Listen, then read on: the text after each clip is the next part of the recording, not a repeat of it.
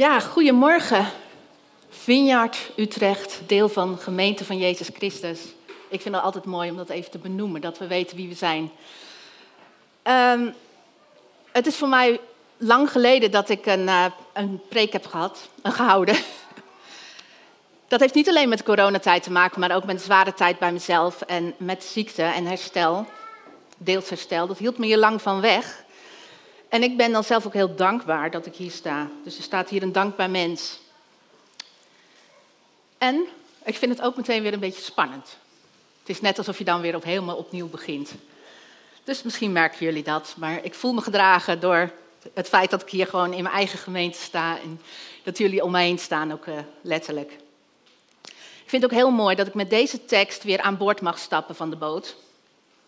De tekst van vandaag Gelukkig zijn zij die treuren, want zij zullen vertroost worden. Wat moet ik daarmee? En wanneer komt die troost dan?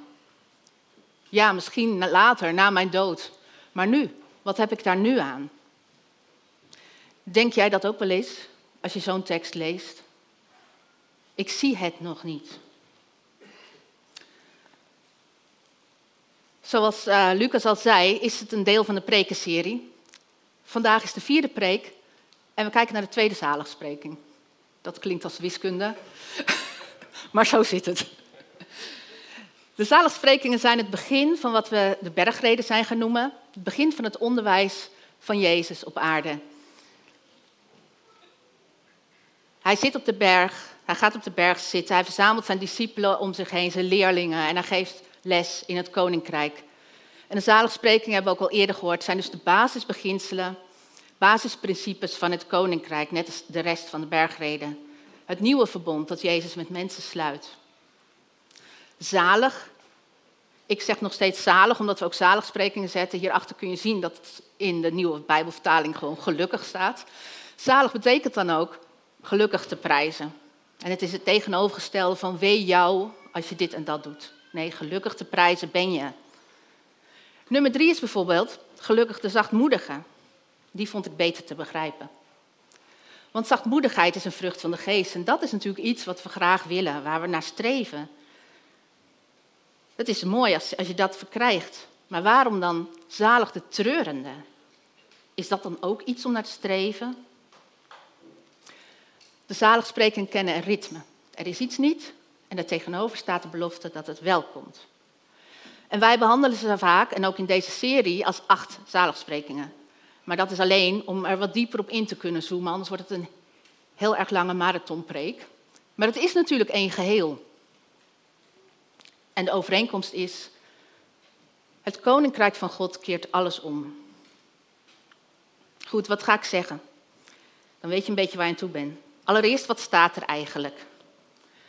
Dan de grote vraag, voorbeelden uit de Bijbel en hoe nu verder? Wat staat er eigenlijk? Gelukkig de treurende, want zij zullen getroost worden. We lezen het hele gedeelte.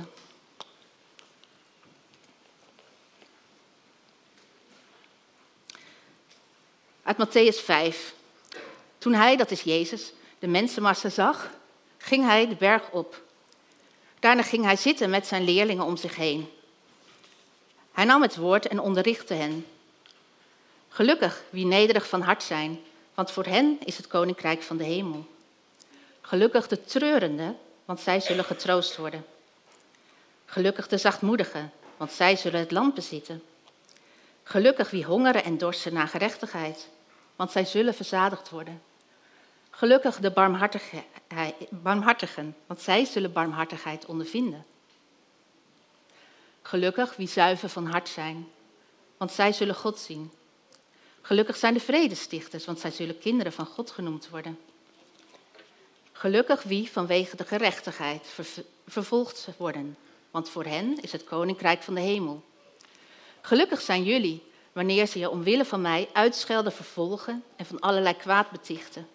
Verheug je en juich, want je zult rijkelijk worden beloond in de hemel. Zo immers vervolgden ze voor jullie de profeten. De paralleltekst staat in Lucas 6, vers 21. Gelukkig gij die nu weent, huilt, want je zult lachen. Daar staat huilen tegenover lachen. En bij ons staat treuren tegenover vertroost worden. Wat staat er eigenlijk in deze tekst? Er staat een werkwoord, penteo, in het Grieks. Dat is de grondtekst van het Nieuwe Testament. En dat woord, penteo, dat wordt gebruikt voor treuren, maar heel veel vaker nog voor rouwen. En de King James vertaling zegt het dan ook zo. Blessed are they that mourn, for they shall be comforted. In Nederlands klinkt dat als gezegend zijn zij die rouwen, want zij zullen getroost worden. Gezegend zijn zij die rouwen, want zij zullen getroost worden. Rouw is helemaal wel even een heftig woord. We gebruiken rouwen als we iemand verliezen aan de dood. En we weten van elkaar, ook in deze gemeente, dat het soms gebeurt. Mensen zomaar uit het leven worden weggerukt. We hebben twee dagen geleden bij ons in het dorp nog meegemaakt. Een vader van een gezin die ook niet gemist kon worden. Maar is dat niet altijd zo? Mensen kunnen niet gemist worden. Het verlies van, van dat gezin, van de kinderen, van zijn echtgenoten. Zo diep verdriet. Het is rouw. Rouwen is rouw. Het doet pijn. Het is zwaar. In de psychologie erkennen we rouwen ook bij het verlies van andere dingen. Dan noemen we het ook, je moet een rouwproces door. Het verlies van je gezondheid, van je baan, het verlies van je kinderwens, je relatie die breekt, andere relaties die je kwijtraakt. En jij die nu de livestream zit te bekijken thuis, en dan zeggen we altijd op de bank, maar misschien zit je wel aan een eetkamerstoel. Ik weet dat je daar niet voor niets zit. Dat je misschien wel veel liever hier zou zitten, maar dat je niet in staat bent. Ik hoop dat je je verbonden voelt met ons hier in de zaal. Kijk even op de teller. Als je live zit mee te kijken. Hoeveel mensen meekijken? Vaak als ik zelf keek waren dat er een stuk of tien. Als je later in de week terugkijkt zie je dat oplopen tot tientallen. Je bent ook niet alleen. Ook al voel je je misschien nu alleen en zit je daar alleen. Ik heb daar ook gezeten en ik zit daar soms nog niet in staat om naar de dienst te komen. Onzekerheid hoe het verder zal gaan. En misschien voel jij dat nu. Lichamelijke pijn, wachten op een belangrijke operatie, wat dan ook. Ik wens je toe dat je op dit moment verbonden weet met ons, maar bovenal dat je mag ervaren dat God je ziet en troost. Als derde is rouwen ook het verdriet om de wereld. Alles wat er gebeurt. Dat is ook treuren. Ik hoef ze niet nog een keer te noemen, alle crisissen die op het moment spelen. En eigenlijk is dat ook helemaal niet nieuw. Er gebeurt altijd zoveel in deze wereld. En daar mogen we ook Gods tranen om huilen. Het raakt aan zijn hart. Hij leidt met ons mee. Of eigenlijk, hij leidt daaraan. En wij leiden met hem mee. Zoals we ook over Jezus ergens lezen. Hij werd met ontferming bewogen. Dat wij ook met ontferming bewogen mogen zijn over de wereld. En rouw is als een doolhof. Je denkt dat je er bent, dat je de weg er buiten hebt gevonden, maar soms zit je weer in de eerste fase, ontkenning. Rouw, verdriet, pijn. Dan denk je, nu ga ik het aanvaarden. En dan plotseling ben je weer terug waar je al geweest was. En let ook even op, er staat hier niet gezegend degene die doen alsof er niets aan de hand is. Gezegend degene die elke keer weer een glimlach opzetten en zich stoer voordoen. Die zeggen nee, ik voel geen pijn. Het hoeft niet. Ik ben sterk. Dat staat er niet. Er staat gezegend zij die treuren.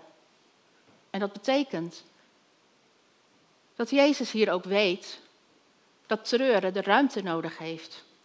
Laat het er zijn. Het is terecht dat je treurt. Je hoeft niet te doen alsof het niet erg is wat er is gebeurd in je leven.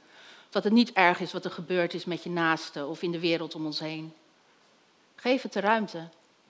Want juist in die ruimte waar vertwijfeling is, waar angst is, waar tranen zijn, waar je verdriet en boosheid ook voelt, daar kan God ook tot je spreken. Daar is een hoop te ontdekken. Dat is een diepere laag. Natuurlijk had je hem liever niet gehad. Maar nu je erin zit, als jij het alleen maar wegstopt, dan gaat het gisten en uiteindelijk keert het zich tegen je. Tweede deel van de tekst. Ze zullen vertroost worden. Getroost staat er trouwens. Zij zullen getroost worden. Dat is de toekomende tijd. Taalkundig gezien in het Grieks ook. Dat kent zo superveel vervoegingen. Ik uh, hou me even bij het grondwoord, wat daar staat voor vertroosteren. Dat is parakaleo. En dat woord herken je misschien wel.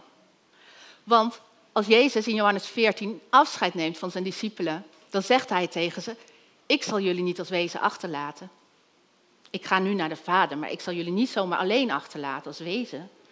Nee, ik ga jullie een andere parakleet zenden. Daar staat datzelfde woord in het Grieks. En oudere vertalingen hebben dat um, vertaald ook, parakaleo, met het woord trooster. En zo kennen wij de Heilige Geest ook uit de Bijbel als trooster. En dat is zij ook. Nieuwere vertalingen zijn erachter gekomen dat het taalkundig niet helemaal hard te maken is. En daarom staat er nu pleitbezorger in de MBV. Een pleitbezorger, dat is iemand in een rechtszaak. Iemand die je erbij roept en die voor jou gaat pleiten. Een helper.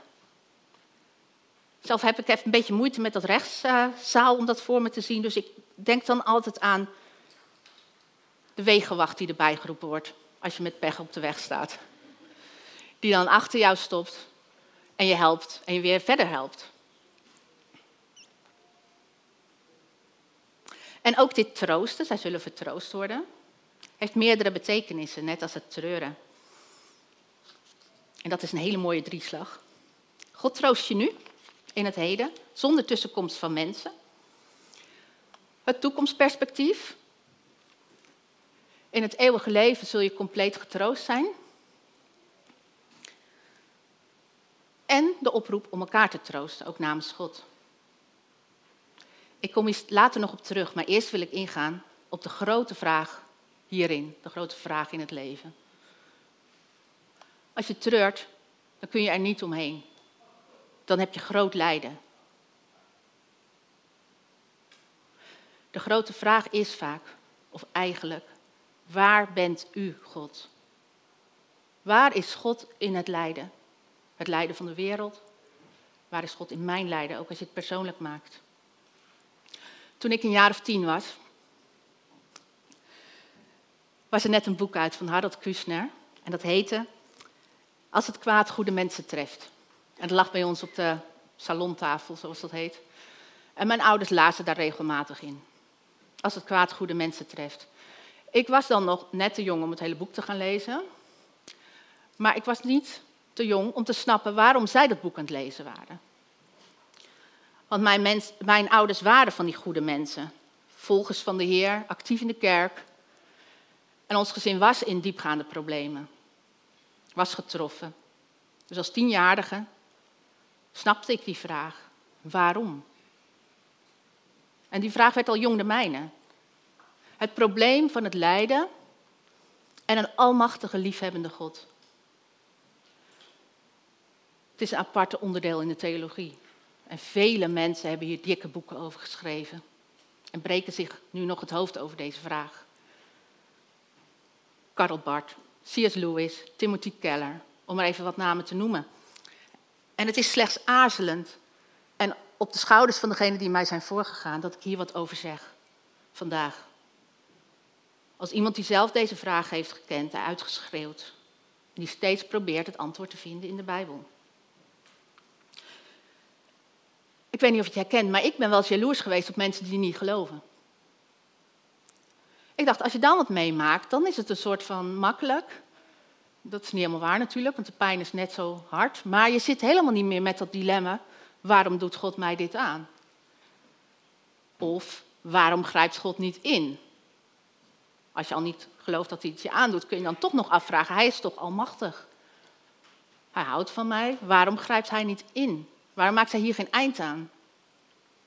Als gelovige heb je dat dilemma wel. Liefhebbende God en hij is almachtig.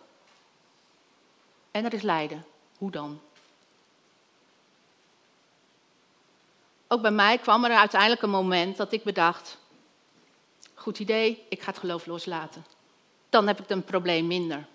En ik zie mezelf nog zitten. Tijdens een lange fietstocht was ik gestopt in een weiland en ik zat daar aan de rand van de sloot. Een sloot. We leven in het Groene Hart, dus er zijn veel sloten. En ik bedacht, ik ga het nu loslaten. Dan maar niet meer, Heer. Het geloof loslaten en toch nog tegen God praten. Bijzonder, hè? En ik kwam er dus ook al echt razendsnel achter. Dit is gewoon niet de oplossing. Lijden wordt niet minder als je niet meer in God gelooft. Je bent alleen hartstikke alleen in het lijden. Je bent eenzaam. Je kan niet meer geloven dat er iemand bij is. Laten we kijken naar de Bijbel.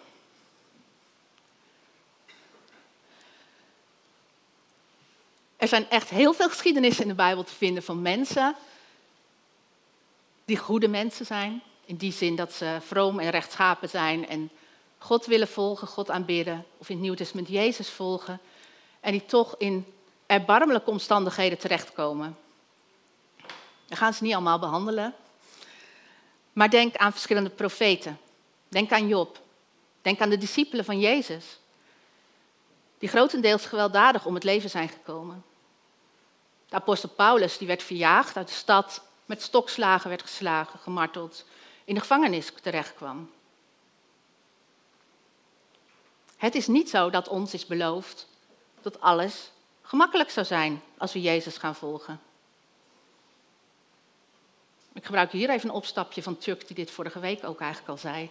Eerst dacht ik, hé, hey, je bent mij naar mijn preek aan het houden. Al het gras is voor mijn voeten weggemaaid. En later dacht ik, nee, ook hier mogen we op elkaar schouders staan. Dan weet je het alvast. Het wordt niet allemaal makkelijker als je Jezus gaat volgen. Dat is ons helemaal niet beloofd. Vroeger hadden wij zo'n kaartje thuis hangen met een scheepje. God heeft ons geen kalme reis beloofd, maar wel een behouden aankomst. En zo is het.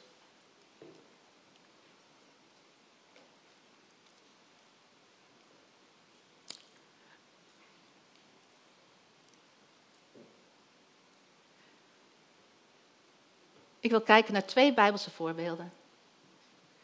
En als je in lijden terechtkomt, kom je eigenlijk meteen, of al snel, terecht in het Bijbelboek Job. Job was in zijn tijd de rijkste man van het oosten. Hij had heel veel vee. En had daarboven nog een gezin met zeven zonen en drie dochters. Allerlei getal van volheid. Er werd naar hem geluisterd als hij wat zei. Hij was een leider. En als wij dit verhaal, deze geschiedenis, binnenvallen, beginnen we met een scène in de hemel. Daar kun je ontzettend veel vragen bij stellen. En dat wordt dan ook gedaan. En het is echt een heel bijzondere opening van een Bijbelboek. We stappen de hemel in, waar Satan op bezoek komt bij de Heerde God. Er ontstaat een dialoog. Satan is de wereld overgegaan. En God zegt: Heb je ook mijn dienaar Job gezien? Heb je gezien hoe goed hij leeft en hoe goed hij mij dient? Ja, zegt Satan, logisch. U geeft hem alles. Hij is rijk, hij heeft voorspoed, hij is gezond, zijn kinderen zijn gezond, alles gaat hem voor de wind. Natuurlijk dient hij u. Maar als ik alles van hem af zou nemen, kijk of hij dan nog uh, u dient. Dan zal hij u wel verloochenen. En de Heere God zegt, doe dat dan maar, maar raak hem zelf niet aan. Hier zie je dus dat in deze geschiedenis God het leed toelaat voor Job. En de duivel gaat dat doen en op één dag verliest hij al zijn vee, al zijn knechten en al zijn kinderen. Hij is in grote rouw, Job. En hij maakt God geen enkel verwijt. Vervolgens gaan wij, stappen wij weer naar de scène in de hemel. En dan zegt de duivel tegen God: Ja, nou ja, logisch, we hebben wel alles van hem afgenomen, maar hij is nog steeds gezond. Als we zijn gezondheid afnemen, dan zal hij u wel verlogen of vervloeken. Vervolgens wordt Job ziek. Hij zit vol zweren, krabt zich met een potscherf. Zijn vrouw, die nog wel leeft, vindt, je kan beter stoppen met geloven. Zeg God vaarwel en sterf. Ook niet echt een heel steunende reactie, denk ik, in zo'n situatie. En Job doet dat niet. Gelukkig heeft hij vrienden. Drie. Drie vrienden maken zich op om naar hem toe te komen en ze doen iets heel moois. Ze gaan zeven dagen lang zwijgend bij hem zitten. Ik denk dat we hier iets van kunnen leren. Hoe kun je als vrienden, als medegelovigen elkaar troosten? Ga erbij zitten. Zwijgend erbij te blijven. Soms valt er niets te zeggen. Maar je aanwezigheid is dan al genoeg. Dan gaan de vrienden zoeken naar een oplossing. Job, het moet je zonde wel zijn. Want God straft geen onschuldigen, zeggen ze tegen hem. Zij hebben een duidelijke blik op de goddelijke voorzienigheid. Zij weten hoe het zit. Het kwaad wordt gestraft. Ze willen God framen, logisch maken. En ook nu hoor ik dat nog wel eens. Ik weet niet of jullie het ook nog wel eens horen. Mensen die tegen elkaar zeggen, en ik geloof echt wel dat dat gelovige christenen zijn, maar toch elkaar de maat meten. Als jij niet geneest, dan zal dat wel Gods straf voor jou zijn. Of, iets milder, dan heb jij te weinig geloof om te genezen. Ook wij willen graag een formule vinden voor God. Maar Hij is daarvoor te groot. En trouwens, als we allemaal gestraft zouden worden voor onze individuele zonde of voor ons kleine geloof, dan zou het er ook heel anders uitzien. Dat wij mogen leven, dat is al uit genade. Job gaat tegen zijn vrienden in en zegt: Nee, dat is niet zo. Het ligt niet aan mijn zonde, want ik ben onschuldig. Een weekklacht van Job volgt. Even zoeken waar ik mijn bril heb gelaten. En als jij rouwt en treurt, dan herken je hier vast in. Ik ga even een stukje lezen uit Job 30.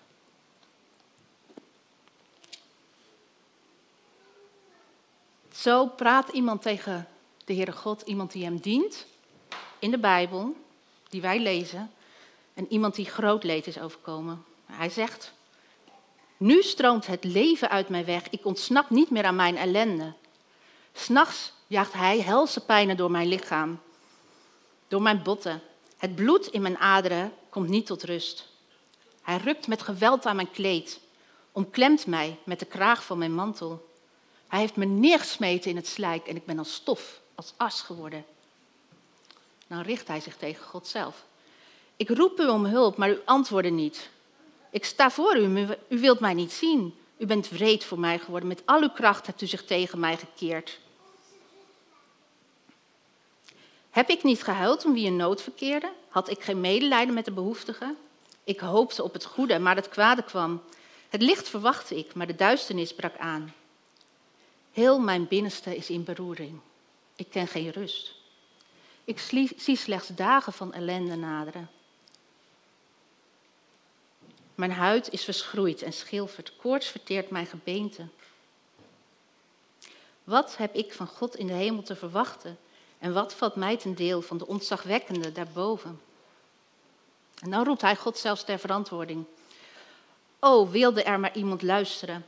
Ik sta in voor wat ik heb gezegd. Laat nu de ontzagwekkende antwoord geven. Laat mijn tegenstander zijn klacht boekstaven. En daar doelt hij dus mee op de Heere God.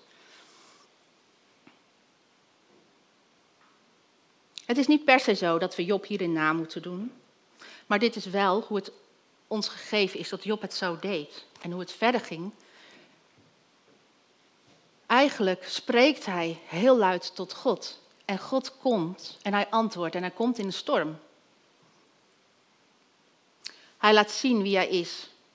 En hij zegt tegen Job: Heb jij soms de aarde geschapen? Heb jij soms de grens aan de zee gesteld? Elk dier, of veel dieren worden genoemd. Heb jij dit gemaakt? Heb jij dat gemaakt? De regen die komt, de bok die springt, niet daarvan kan jij, Job. En alles kan ik, want ik ben God en jij bent dat niet. Dat zegt hij niet zo letterlijk, dat maak ik er even van. Er is een God en wij zijn het niet. En dat is eigenlijk Gods antwoord. Wonderlijk toch?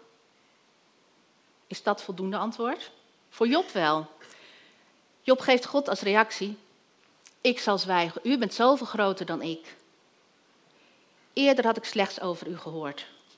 En nou hebben we het dus over een vroom, rechtschapen man. Hij bad voor zijn kinderen. Als zijn kinderen een feestje hadden, ging hij een offer brengen voor het geval ze misschien gezondigd hadden. Hij stond bekend om zijn godsvertrouwen. Maar hij zegt, eerder had ik u slechts van, van u gehoord. En nu heb ik u van aangezicht tot aangezicht gezien. Met eigen ogen. En dat veranderde Job. En tegelijkertijd blijft er een mysterie. Want wat wij als lezer aan het begin van dit Bijbelboek hebben gezien, namelijk die scène in de hemel, dat krijgt Job helemaal nooit te horen. God legt geen verantwoording af wat er is gebeurd, waarom dat hij dat heeft toegestaan. Helemaal niets. Hij laat zien wie hij is en dat hij erbij is en dat hij Job hoort.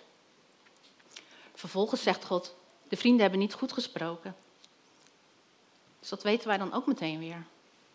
Dat die hele logica van het zal een straf op je zonde zijn, dat die, die speeches die keurt God niet toe, niet goed. Job krijgt zijn bezit verdubbeld terug. Ik denk dat we Job wel als voorbeeld mogen zien.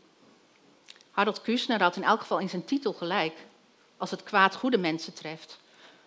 Want dat gebeurt. We leven in een gebroken wereld. En het kwaad is overal. Dat klinkt wel heel erg beangstigend.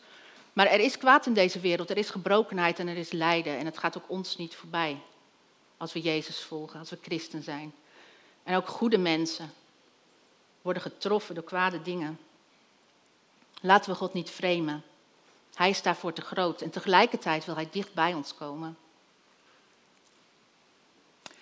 Als je dacht dat Job een onschuldig mens was, vroom en rechtschapen, laten we dan eens naar Jezus kijken. Hij is volmaakt. Onschuldig wordt hij op jonge leeftijd gemarteld en vermoord. Onterecht. Het kostte hem wel zijn leven.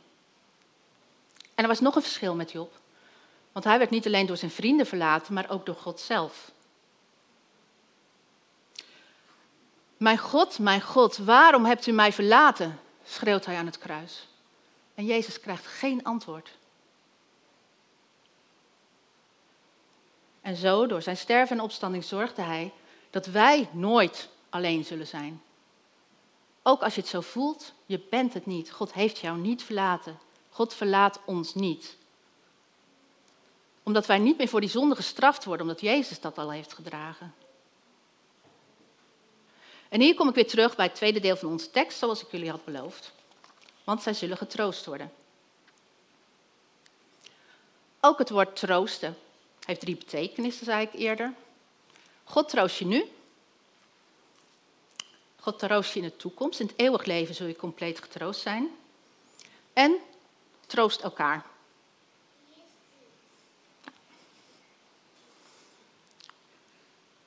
Er is een tekst die ik toch echt even moet noemen.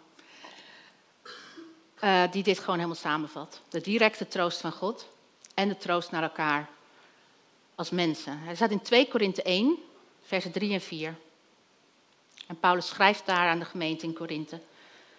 Geloofd zij de God en Vader van onze Heer Jezus Christus, de Vader der barmhartigheden en de God alle vertroosting, die ons troost geeft in onze druk. Zoals wij hen, die in allerlei druk zijn, troosten kunnen met de troost waarmee wij zelf door God vertroost worden. Ik vind dat een kunststukje van een zin, hè? Gewoon de hele tijd dat woord troost, dat palakaleo. Maar hier staat eigenlijk, wij ontvangen die troost van God, de God van barmhartigheden, en daardoor kunnen wij ook anderen weer troosten. En dan nu voelen wij de troost van God, nu ervaren wij de troost van God. En in de toekomst. Het koninkrijk van God is onder ons. Het koninkrijk van God is meer onder ons dan het kwaad onder ons is. Dan dat het kwaad in de wereld is. Het koninkrijk van God heeft al overwonnen. Dat is dan vaak die vergelijking met Decision Day, D-Day en de Victory Day komt nog. Dus we zien lichtstralen van hoop, noem ik dat graag. En tegelijkertijd komt dat koninkrijk van God nog in volle glorie en macht. En dan praten we niet meer over lichtstralen van hoop. Maar dan zal niemand er meer omheen kunnen. Dan zal niemand het meer kunnen negeren. Dan is God alles in alle. En dan zal zijn koningschap duidelijk zijn. Dus wij zitten in die tussentijd en we noemen dat vaak het reeds en nog niet. Koninkrijk is er al, koninkrijk komt nog ten volle. En we leven in die tussentijd en dat is tegelijkertijd dat we nog in een gebroken wereld leven, zoals ik eerder zei. We zitten tussen kerst, opstanding en Jezus' tweede komst in. De Heilige Geest is de trooster, erbij geroepene. En we zongen net ook al, dat vond ik ook wel heel mooi, over het anker van ons geloof. En dat is eigenlijk um, de Heilige Geest. Het wordt in de Bijbel vergeleken, ik weet niet of ik deze tekst erop heb staan, waarschijnlijk niet. In Hebreeën staat hij. Hebreeën 6, vers 18, voor wie het wil noteren. Het anker van onze hoop ligt al in de toekomst, vast verzekerd. Achter het voorhangsel, achter een soort gordijn. En wij kunnen dat nog niet zien, maar we gaan er wel naartoe. Wij zitten daar vast met een lijn. Wij treuren, maar niet als mensen die geen hoop hebben. Dat geeft ons hoop. En die hoop geeft ons ook troost in het nu. God spreekt tot je hart door de Heilige Geest. Het weten dat je niet alleen bent. Het weten dat je niet alleen bent in je verdriet is al troost. Dat Hij erbij is. Hij staat naast je. Hij draagt je. En daarmee is dat verdriet niet per se weg. Je geliefde blijft meestal gestorven. Maar het is te verdragen. Het is te dragen.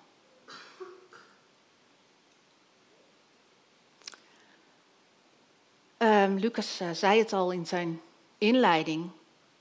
Het gedeelte uit Jesaja 61. Dit past ook zo onwijs goed bij de zaligsprekingen. Dan zie je ook weer hoe mooi de Bijbel samenhangt. Er staat iets in het Nieuwe Testament. Jezaja heeft het al gezegd, zoveel jaren eerder. En hij spreekt daar profetisch. Het gaat niet helemaal over hemzelf, maar het gaat over de Messias. De geest van God, de Heer, rust op mij, want de Heer heeft mij gezalfd. Even verderop, om allen die treuren te troosten. Om aan Sions treurende te schenken een kroon op hun hoofd in plaats van stof. Vreugdeolie in plaats van rouw. Feestkledij in plaats van verslagenheid. Dit zijn de beloften van God en Hij is trouw. Je mag je hieraan vastklampen. En soms kun je daar niet op vertrouwen. En dan heb je elkaar nodig. In het Nieuwe Testament lezen we over vier vrienden die hun verlamde vriend op een doek naar Jezus brengen. Hij had zijn vrienden nodig om ze bij Jezus te brengen. Laten wij dat ook zo doen. Zoals de huisarts die bij een gezin kwam waar groot verdriet was. Hij kwam binnen. Hij zei: Grote rampspoed is over jullie gezin gekomen. Waarmee hij het verdriet erkende. Hij ging zitten, zat een half uur zwijgend bij deze familie. Toen hij vertrok, zei de vader van het gezin bij de deur: Dank u wel, dat was een goed gesprek. Dat is wat we doen als we elkaar troosten, erbij zijn. Het uithouden bij het leed. En dat is dus echt bijna tegenovergesteld, of misschien wel helemaal tegenovergesteld aan het succesevangelie, dat je als christen alleen maar voorspoed zou kennen. Dat vind ik in de Bijbel niet terug. Ja, zeker, Jezus geeft ons leven in overvloed. En dat is waar. Maar dat betekent niet dat het leed altijd aan onze deur voorbij zal gaan. Tegelijkertijd hebben we dan wel het leven in overvloed. En ik herhaal weer wat vorige week gezegd is. Maar misschien ben je het vergeten. En herhaling is altijd goed, denk ik. Wij Vineyard geloven in het wonder. God is niet gestopt met wonderen doen. En we bidden om het wonder. En daar bidden we niet één keer om, maar daar bidden we nog een keer om en nog een keer.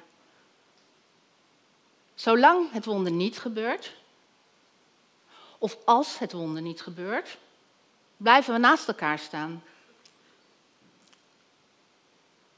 Dan houden we het met het leed uit. En dan houden we het uit met het verdriet. Ik heb de hele week al een heel mooi liedje in mijn hoofd. Wat totaal niet bedoeld is, denk ik, als aanbiddingslied. Maar soms voel je dat er toch in. Het is een liedje van Coldplay. En onlangs zat ik beste zangers te kijken. En daar hoorde ik een prachtige vertaling van Claudia de Brij. En die raakte me. En ik dacht, je weet het misschien niet. Maar je zegt hier iets over God. Tranen stromen alsmaar door als je iets verliest dat bij je hoort. Als je lief hebt, maar het gaat kapot. Zo door de helft. Volg het licht naar huis. Lights will guide you home. Lichtjes zullen je naar huis leiden. En wij zijn voor elkaar die lichtjes die elkaar naar huis leiden, naar Christus brengen. We kunnen elkaar niet fixen, we kunnen elkaar helemaal niet helen. Wel een beetje, misschien. Maar wat we kunnen, is naar Christus wijzen. Elkaar troosten en bij Hem brengen. En dan hoor ik echt in zo'n liedje de stem van Jezus. I'm fix you, I will fix you. En in het Nederlands vind ik hem nog heel veel mooier eigenlijk. Ik ben hier en heel jou.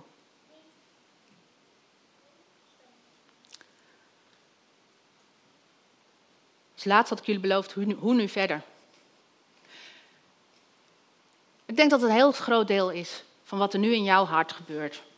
Daar kan ik helemaal niks over zeggen. Dat heb ik van tevoren niet kunnen voorbereiden en dat weet ik zelfs nu niet. Maar God weet het. Hij raakt jouw hart aan in het nu. Hij weet hoe verder. Wat je hiermee kunt doen of niet kunt doen of over je heen laten komen. Ik wil nog wel delen wat het voor mij soms is. Als je iets chronisch meedraagt, dat betekent langdurig, niet per se dat ik hoop op herstel heb opgegeven, maar langdurig. Dan is dat bij tijd en wijle heel zwaar. Het geeft me ook dankbaarheid voor wat er wel is. Voor kleine dingen die wel kunnen. In die zin voel ik me gezegend mens dat ik dat kan zien. Het is het uithouden met wat er is. En misschien heb je hier ook iets aan. Het uithouden met wat er is, wat het voor jou is. En soms ben ik dapper en ben ik vol vertrouwen op God. Dan ben ik dankbaar voor alle kleine dingen. En soms is het alsof ik op het ijs loop en ineens is het een dun laagje ijs en zak ik er doorheen. Als het niet goed gaat. Als pijn en verdriet me overvallen. En wat dan? Vallen, uithuilen. Heel goed. En weer opstaan. En soms duurt dat even lang. Dan zoek je de stilte om God te horen. Dan moet je een ander toestaan om je rugzak te dragen als die voor jou te zwaar is. Totdat het weer wat beter gaat. Je weer kan opstaan en jezelf weer verder gaat.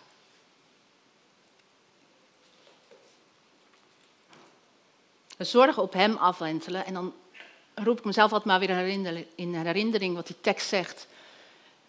Wentel je zorg op mij af, want je ligt me na aan het hart. En God kennen we als vader. Uit sommige Bijbelteksten herkennen we hem ook als een moeder. En ik ben zelf gezegend met het moederschap. En ik herken er iets in.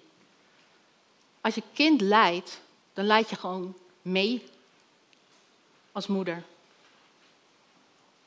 Ze zeggen wel eens, je bent zo gelukkig als je ongelukkigste kind. Ik weet niet of dat helemaal waar moet zijn. Maar ik herken het wel, de oorontstekingen van hun babytijd. Dat die kind zo'n pijn heeft. Tot wat ze op volwassen leeftijd ook nog meemaken. Je voelt dat mee in je hart. En dat is maar dit. Hoe ik het als moeder voel, vergeleken met hoe God het voelt. Hoe God met jou meevoelt. Dus wentel je zorgen op hem af. Want hij laat je niet in de steek. Hij heeft je niet verlaten. Hij doet je dit niet aan. Hij laat het toe. En het mysterie blijft. Maar we kunnen het ermee uithouden. Dus dat betekent, dit is de samenvatting. Als je nu treurt, dat je nooit alleen bent. Zijn lichaam is gebroken voor jou, zijn hart breekt voor jouw lijden. Hij is nu bij je. Voel het verdriet, voel je lijden, stop het niet weg. Ga die lagen in. En laten we elkaar bijstaan. We bidden om een wonder, we staan elkaar bij zolang het er nog niet is. Dat is geloven. Geloven is niet krachtpad. Het geloven is het uithouden met de vragen die er zijn. Totdat Jezus terugkomt. Ons wacht een toekomst met voluit troost, voluit vreugde. Dan zal God alle tranen van de ogen afwissen.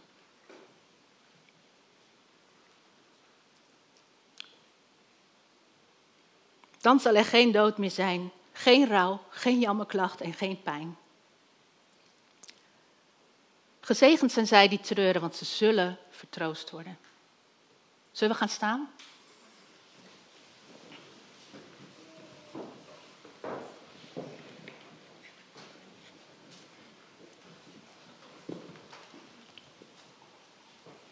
Vader in de hemel, Heere God, hier staan wij, hier zijn wij, hier zitten wij.